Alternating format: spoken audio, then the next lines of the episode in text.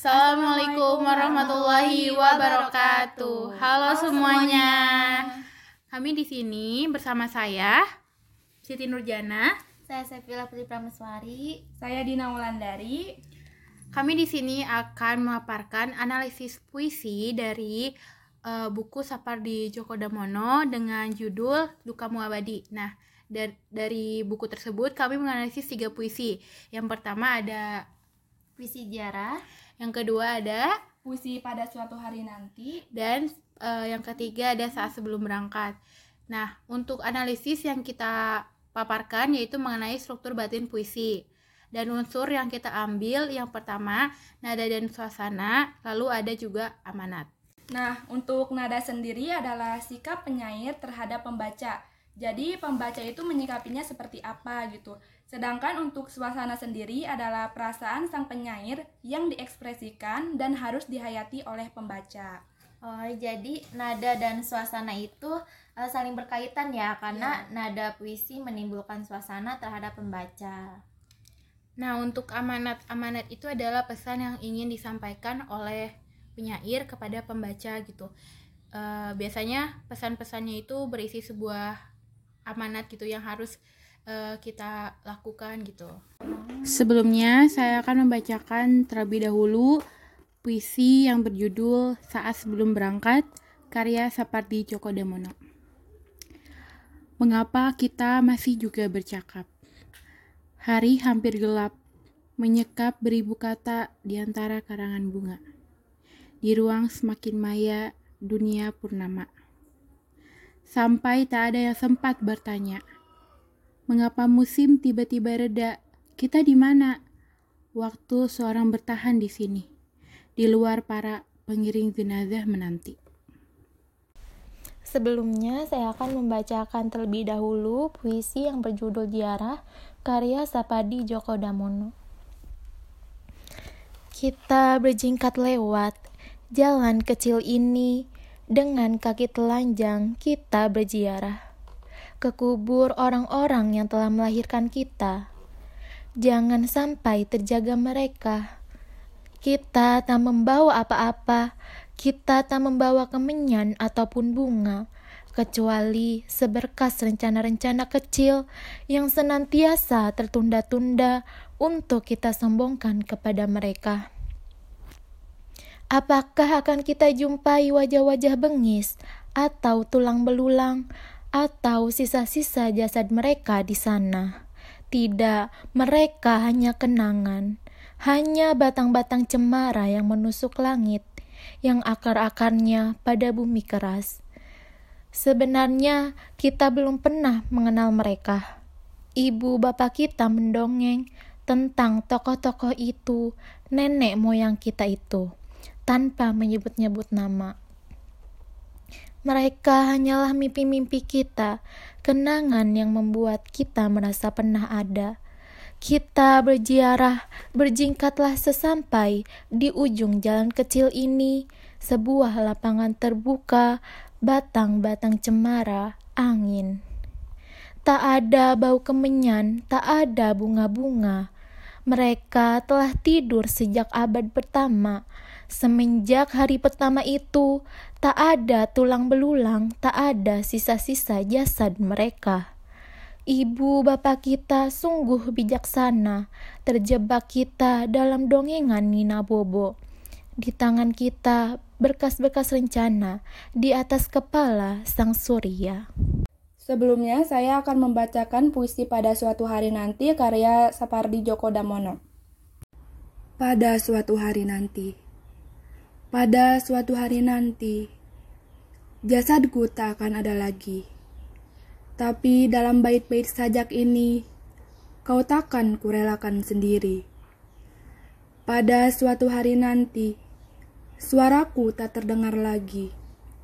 Tapi di antara larik-larik sajak ini, kau akan tetap kusiasati. Pada suatu hari nanti, impianku pun tak akan dikenal lagi. Namun di sela-sela huruf sajak ini, kau takkan letih-letihnya ku cari. Langsung saja dalam puisi yang berjudul Jarah ini, memiliki nada melankolik yaitu uh, menggambarkan suasana hati yang sedih karena bertemakan kehampaan dan kerinduan dari sosok orang yang dicintai tiada. Hal ini dibuktikan pada bait puisi yaitu mereka hanyalah mimpi-mimpi kita, kenangan yang membuat kita merasa pernah ada. Nah, di dalam bait tersebut juga telah dibuktikan bahwa seseorang yang sudah tiada tersebut hanya ada kenangan dan mimpi-mimpi kita saja yang merasa pernah ada. Dan seseorang tersebut dipisahkan oleh maut. Namun, ada pepatah mengatakan setiap pertemuan pasti ada perpisahan. Perpisahan dapat terjadi karena berbagai hal, mulai dari dipisahkan oleh jarak, dipisahkan karena orang lain, atau dipisahkan oleh maut. Tetapi di dalam puisi ini dipisahkan oleh maut yaitu nenek moyang yang dahulu sudah tiada. Perpisahan inilah yang kemudian membuat seseorang merasa kehilangan. Semakin kita dekat dan selalu memikirkan atau membayangkan orang yang sudah tiada, semakin besar kesedihan yang dirasakan. Pasti setiap orang pernah merasakan kehilangan seseorang yang sangat dicintai, apalagi orang tua sangat berarti dalam hidup setiap manusia. Dan seketika rasa sedih melanda saat orang dicintai tiba-tiba pergi dan tiada lagi di sisi kita kehilangan memang dapat menyayat hati. Apalagi e, sangat terpukul sekali bahkan tidak bisa terlupakan sepanjang hidup. Tentu hanya bayang-bayang rindu akan menyelimuti kita karena masih merasa kehilangan seseorang tersebut. Rasa kehilangan terjadi ketika adanya kehampaan dalam hidup sejak seseorang tak lagi bersamanya. Setelah merasa kehilangan, ada perasaan sedih yang teramat dalam dan disertai rasa kesepian. Munculnya rasa sedih karena kehilangan adalah hal yang wajar yang dirasakan oleh seseorang. Namun, jika terus berlarut dalam kesedihan juga akan membawa dampak buruk. Agar tidak berlarut dalam kesedihan, ada baiknya untuk segera menghadapi rasa kehilangan tersebut. Jika sedang merasa kehilangan, kamu bisa memulai untuk merelakan kepergiannya. Sebelum masuk ke dalam tiga unsur batin yaitu nada, suasana, dan amanat, aku mau membahas sekilas mengenai puisi pada suatu hari nanti. Nah, puisi ini tuh menceritakan tentang suatu hari nanti seseorang akan menghadapi kematian.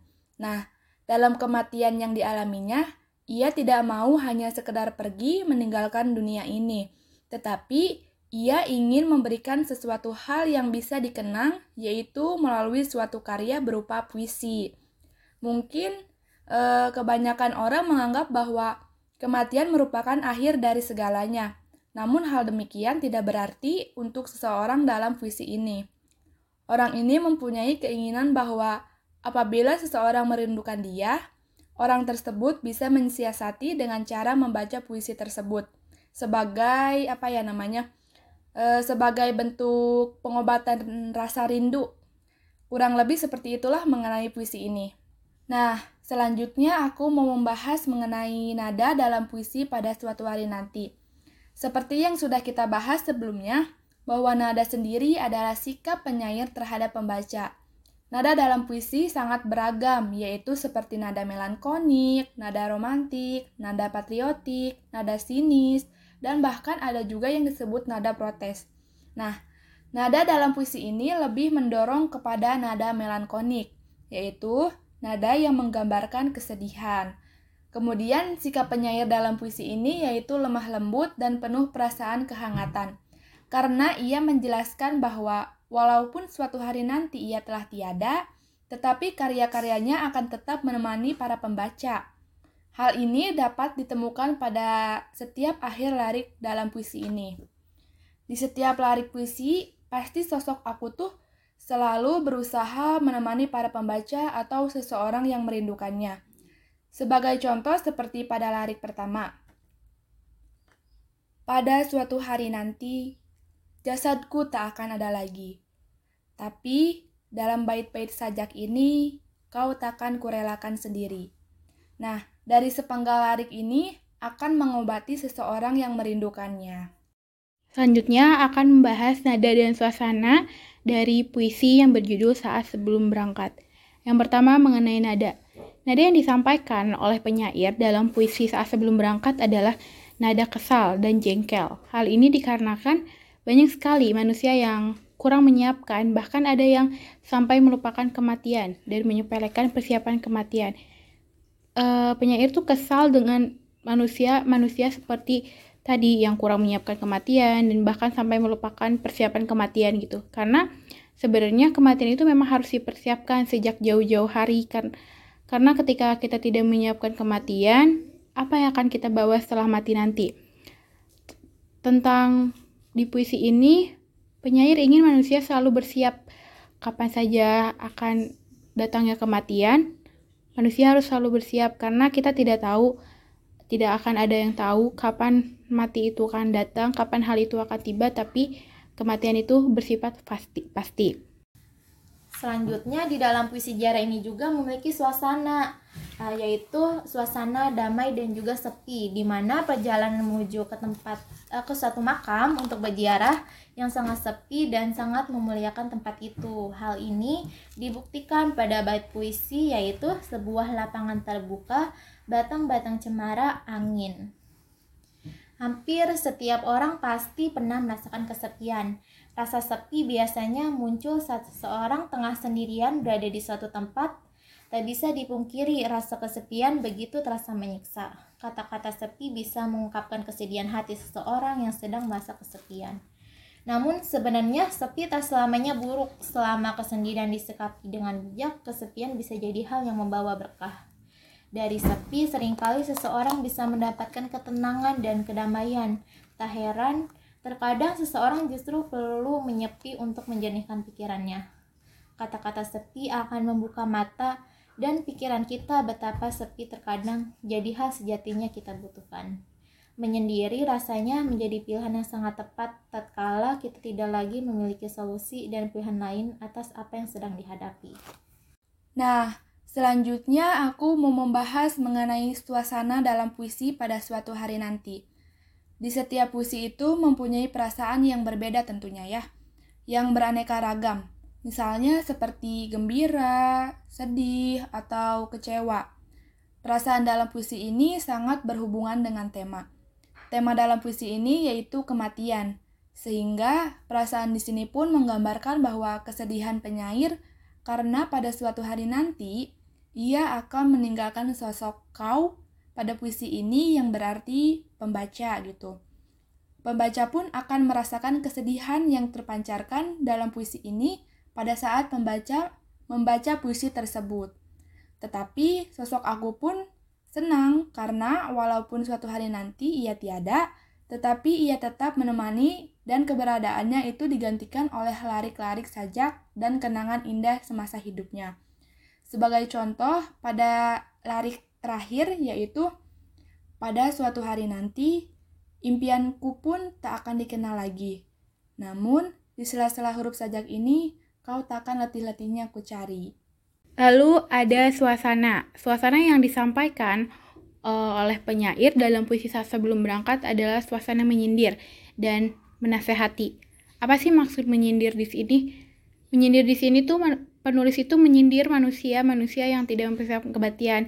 Jadi mereka hanya fokus ke kegiatan dunia saja, mereka tidak bertanya-tanya seperti apa persiapan kematian yang baik gitu. Jadi mereka hanya fokus kepada duniawi saja, padahal dunia itu kan hanya sementara gitu. Tapi kehidupan setelah mati itu selamanya. Lalu untuk menasehati, menasehati di sini adalah bahwasannya daripada kita menghabiskan waktu untuk bertanya-tanya, kapan kematian itu datang, kapan uh, akan datang malaikat maut gitu. Jadi lebih baik kita sebagai manusia harus mempersiapkan kematian sebaik-baiknya gitu. Selanjutnya terdapat amanat dalam puisi jarah. Terdapat pesan yang hendak disampaikan penyair kepada pembaca setelah membaca puisi tersebut yaitu yang pertama amanat yang disampaikan oleh penyair menyadarkan kita bahwa selama masih hidup kita harus menghargai orang tua yang sudah uh, ada maupun tiada. Uh, kalau misalkan orang tua kita sudah tiada, uh, kita bisa menghargai orang tua kita dengan cara kita menyekar atau berkunjung ke tempat pengistirahatan hidupnya. Hal ini dibuktikan pada bait puisi yaitu kita berjingkat lewat jalan kecil ini dengan kaki telanjang kita berziarah ke kubur orang-orang yang telah melahirkan kita. Jadi, siapa pun dan bagaimanapun segala yang terjadi di keluarga, kita harus berbakti dan bertakwa kepada orang tua yang telah membesarkan kita, baik yang masih ada maupun tiada. Tidak ada segala sesuatu yang abadi di dunia ini, tak terkecuali manusia. Kematian pasti akan menimpa siapa saja, tak kenal tempat dan waktu. Oleh karena itu, sebagai manusia, kita hanya bisa mempersiapkan segala sesuatu yang kemungkinan bisa terjadi. Kematian selalu menyiksakan duka yang mendalam bagi setiap orang.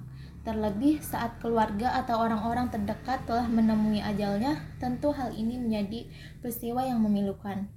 Sebagai manusia yang masih diberi kesempatan untuk hidup, sudah seharusnya selalu mendoakan orang yang sudah meninggal agar diberi tempat terbaik di sisi Tuhan yang Maha Kuasa. Doa dan ungkapan belasungkawa tentu juga dibutuhkan bagi keluarga yang ditinggalkan. Hal ini perlu dilakukan sebagai wujud rasa empati dan bentuk kepedulian terhadap sesama manusia. Misalnya kita dapat berziarah ke makam orang atau nenek moyang sudah tiada. Ziarah juga bermanfaat untuk mendoakan orang-orang yang telah mendahului kita dan memohonkan ampunan atas kesalahan mereka. Ketiga, kegiatan berziarah ini juga wujud sunnah Rasul sebagaimana yang telah diajarkan oleh uh, Nabi Muhammad SAW dan para sahabatnya. Ziarah kubur juga dapat mendapatkan imbalan pahala dan kebaikan dari Allah Subhanahu wa taala. Nah, kemudian ada satu pembahasan terakhir mengenai amanat yang terdapat dalam puisi pada suatu hari nanti ini. Amanat sendiri adalah pesan yang ingin disampaikan oleh pengarang. Pesan-pesan tersebut tentunya akan berguna untuk kehidupan pembaca. Amanat dari puisi ini adalah bahwa penyair ingin menyampaikan kesetiaannya kepada pembaca walaupun ia sudah tidak ada. Pembaca tidak usah merasakan sedih karena dia tetap setia dan tetap bisa menemani pembaca dengan karya-karyanya. Secara tidak langsung, pengarang menegaskan bahwa Rasa setia itu tidak dapat berhenti walaupun kehidupan sendiri telah berhenti. Selanjutnya untuk amanat. Amanat yang disampaikan penyair dalam puisi yang berjudul Saat Sebelum Berangkat adalah amanat mengenai waktu. Karena bahwasannya waktu telah mengungkapkan pengalaman yang baik secara langsung maupun tidak langsung, yaitu berhubungan dengan maut. Maut adalah masalah siapa masalah siapa pun sebagai konsekuensi atas penerimaan kehidupan yang dijalani di dunia ini. Hal ini dibuktikan pada bait seperti ini. Sampai tak ada yang sempat bertanya mengapa musim tiba-tiba reda. Kita di mana waktu seorang bertahan di sini di luar para pengiring jenazah. Bait tersebut merupakan kutipan dari bait yang kedua. Karena bahwasannya hidup itu penuh dengan tanda tanya gitu. Jadi kita itu harus mempersiapkan kematian dengan sebaik-baiknya. Sekian dulu podcast mengenai puisi dalam buku yang berjudul Dukamu Abadi karya Sapardi Djoko Damono. Semoga podcast ini dapat memberikan manfaat buat kalian Semoga kalian sehat selalu ya. Wassalamualaikum warahmatullahi wabarakatuh. Sampai jumpa.